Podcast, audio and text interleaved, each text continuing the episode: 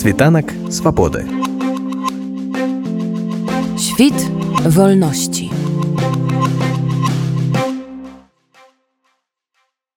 З 2020 года ў Польшчы дзейнічаў спецыяльны закон аб антыкавідных мерах.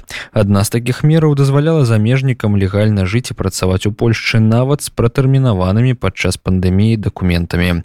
Цяпер гэты закон скасаваны. Дарэчы, размова пра тое, што яго могуць хутка скасаваць пачаліся яшчэ ледзь не ў 2021 годзе.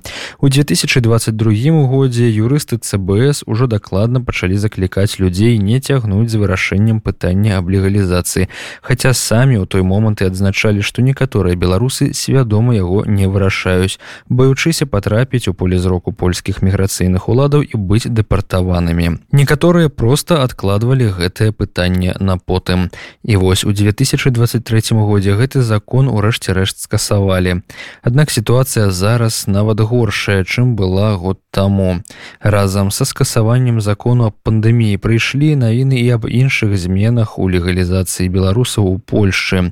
Як коротко падсумоўваюць юрысты, ніхто не будзе нам дапамагаць вечна. Падчас сустрэчы ў ЦБС кіраўніца цэнтра юрыдычнай дапамогі ольга добравольская закранула тры асноўныя тэмы найбольш важныя ў кантэксце падаўжэння легалізацыі для беларусаў канешне у першую чаргу яна растлумачыла сітуацыю са скасаваннем кавіднага закона і яшчэ раз заклікала беларусаў не цягнуць з падачай документаў уже вестники законов было опубликовано постановление министра что с 1 июля отменяют состояние эпидемиологической угрозы и у э, иностранцев у граждан беларуси будет э, только 30 дней для того чтобы легализировать свое пребывание, если они пребывали на основании продленных виз или продленных видов на жительство.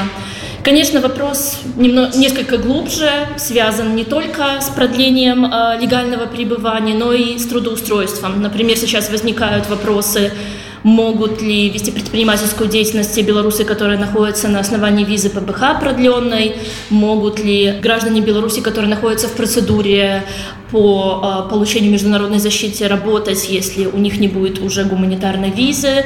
То есть вопросов появляется достаточно много. Э, в связи с этим мы, конечно, приглашаем не затягивать э, с этими вопросами. До 31 июля уже сейчас начинать э, действовать, предпринимать шаги и записываться к нам на консультации, поскольку вопросов, наверное, будет много и важно помнить о том, чтобы легализировать свое пребывание в последний день до 31 июля. Со статистики мы помним о том, что Польша выдала более 50 тысяч гуманитарных виз и более 60 тысяч э, виз полон бизнес-харбор.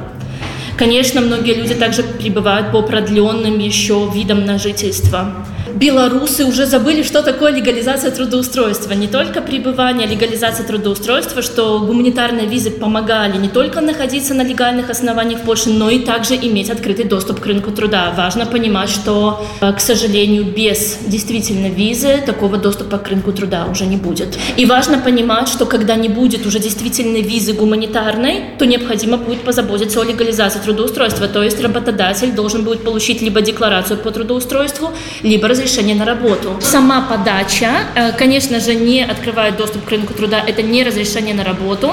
После подачи заявления без доступа к рынку труда работать можно только после 6 месяцев э, от начала процедуры. Доступ к рынку труда нужно иметь до подачи, Важно, чтобы все, кто сейчас еще задумывается, сомневается, уже предпринимал какие-то шаги легализации эм, пребывания. Ну и для белорусов, конечно, открываются две возможности легализироваться на основании вида на жительство. Это вид на жительство на основании гуманитарной визы или согласно цели пребывания. Дарэчы, зараз ізноў перад некаторымі людзьмі паўстане пытання, а які тып легалізацыі абраць. Спецыялісты ЦБС адзначаюць, што па невядомых прычынах раней варыянт атрымання міжнароднай абароны і надання статусу уцікача пужаў беларусаў. Але ж па меркаванні спецыялістаў менавіта гэты варыянт па шэрагу прычынаў з'яўляецца аптымальным для большасці беларусаў у першую чаргу тых хто боится палітычнага пераследу гуманитарный вид на жительство выдается единоразово на три года и скорее всего продления также не будет это для тех белорусов которые приехали на основании гуманитарных виз или приехали из украины после начала войны то есть в дальнейшем белорусы должны будут позаботиться о том чтобы найти цель пребывания и уже легализироваться на основании основании этой цели. Что касается международной защиты, то разница такова, что это бессрочный вид на жительство, который позволяет пребывать неограниченный срок на территории Польши до того момента, пока в Беларуси не изменится ситуация таким образом, что такой гражданин мог бы вернуться и воспользоваться защитой своей страны. Другое балючае пытанне для вялікай колькасці беларусаў у замежжы, якое таксама было закранутае падчас сустрэчы, гэта сканчэнне тэрміну беларускіх пашпартоў і немагчымасць зрабіць новыя. Тут усё крыху лепш, нават ёсць і пэўнае змякчэнне заканадаўства для беларусаў. Як адзначае Вольга дабравольская закон існуе, але адпаведная пастанова міністра ўнутраных справаў Польшчы ўсё яшчэ не выдадзеная. Но сейчас речь идет и в Совете Европы также речь ведут о том, чтобы недействительные белорусские паспорта все-таки признавать действительными. Я не очень вижу это в практике, как это будет выглядеть при поездках, пересечении границы, при контроле легальности пребывания, но э, офис э, Светланы Тихановской ведет такие переговоры э, и с польскими властями, и с властями других стран. То есть есть несколько идей, как разрешить этот вопрос. В Польше, возможно, это будет польский проездной документ для иностранца, э, но также рассматриваются и другие варианты. Давайте тогда перейдем к вопросу польского проездного документа. Я, наверное, еще раз повторю, что это за документ и вообще зачем он нужен. До 1 января его могли получить э, только те иностранцы, у которых был постоянный вид на жительство, вид на жительство долгосрочного резидента Евросоюза, дополнительная защита, то есть одна из форм международной защиты, и согласие на гуманитарное пребывание. Его не стоит путать с нашим э, гуманитарным видом на жительство, это другая процедура. Но после 1 января э, польские власти изменили законодательство, и белорусы, которые имеют вид на жительство, выданный на основании гуманитарной визы, имеют право получить польский проездной документ для иностранца. Если их паспорт недействителен, он утрачен или испорчен так, что его нельзя использовать. Например, нет фотографии или иногда белорусам портили паспорт пограничники украинские, которые там расписывали, зачеркивали. Уже практически год мы дискутировали в Министерстве внутренних дел о том, что такие польские проездные документы нужны всем белорусам, которые прибывают в Польше на основании всех временных видов на жительство. Министерство достаточно долго не соглашалось с этой идеей, но чуть-чуть дело сдвинулось с мертвой точки. С 1 июня вошло изменение в закон об иностранцах, которое говорит о том, что если иностранец пребывает на временном виде на жительство, то есть вне зависимости от того, на каком основании оно выдано, оно может быть выдано на основании работы, на основании обучения, например, студенты программы Калиновского, на основании воссоединения с семьей, то в таком случае такие граждане тоже могут получить проездной документ. Однако для того, чтобы э, это основание в законе заработало, мы ожидали выдачу постановления министра, который должен определить группу иностранцев, например, указать, что это граждане Беларуси, период, в который будет выдаваться, и э, также определить, что этот документ должен был быть бесплатный для граждан Беларуси.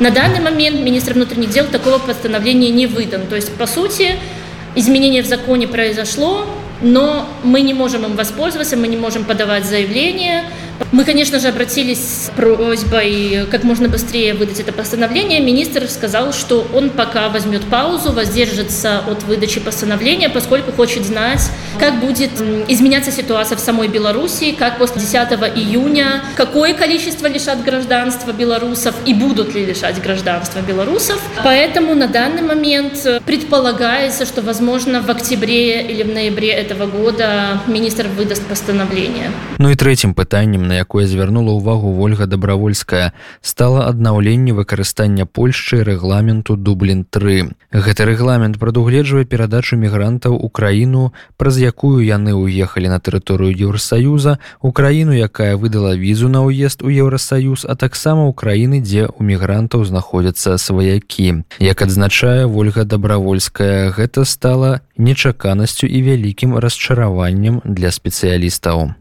Новинка, которая нас очень э, испугала и расстроила. Наверное, каждый белорус слышал про регламент Дублин-3, этот инструмент не использовался на протяжении трех лет. В чем смысл регламента? Во время процедуры по международной защите государство, которое принимает такое заявление, должно проверить, ответственно ли оно за рассмотрение такого дела. Иерархия следующая. Семейные связи. Это означает, что если иностранец приехал на территорию Евросоюза, а у него, например, супруга и дети находятся в Германии, то он должен быть передан Германии для того, чтобы Германия рассмотрела его дело.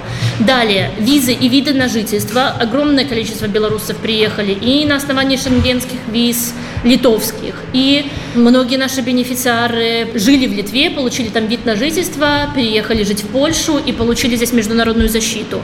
И третье – это въезд в страну, то есть чаще всего даже нелегальный въезд а, без документов. Соответственно, по этим трем параметрам государство должно определить, действительно ли оно несет ответственность за рассмотрение дела по международной защите.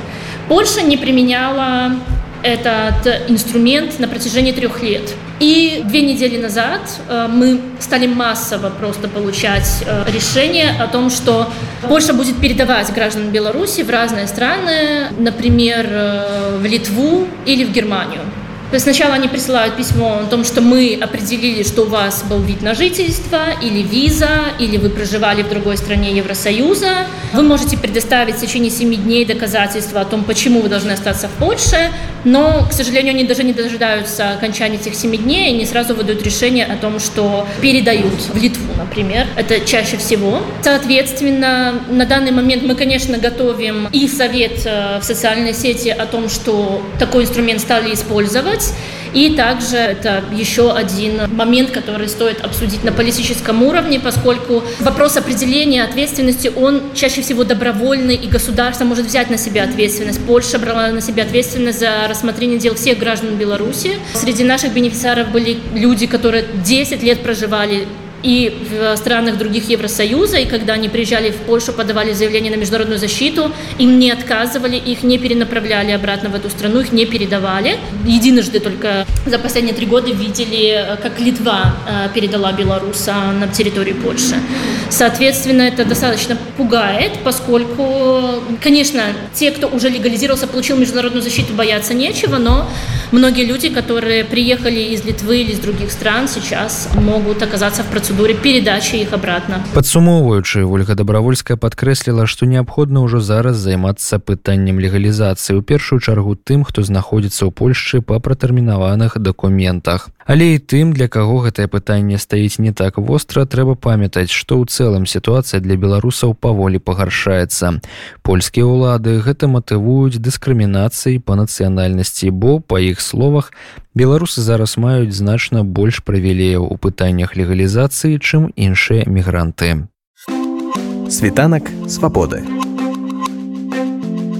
Świt wolności.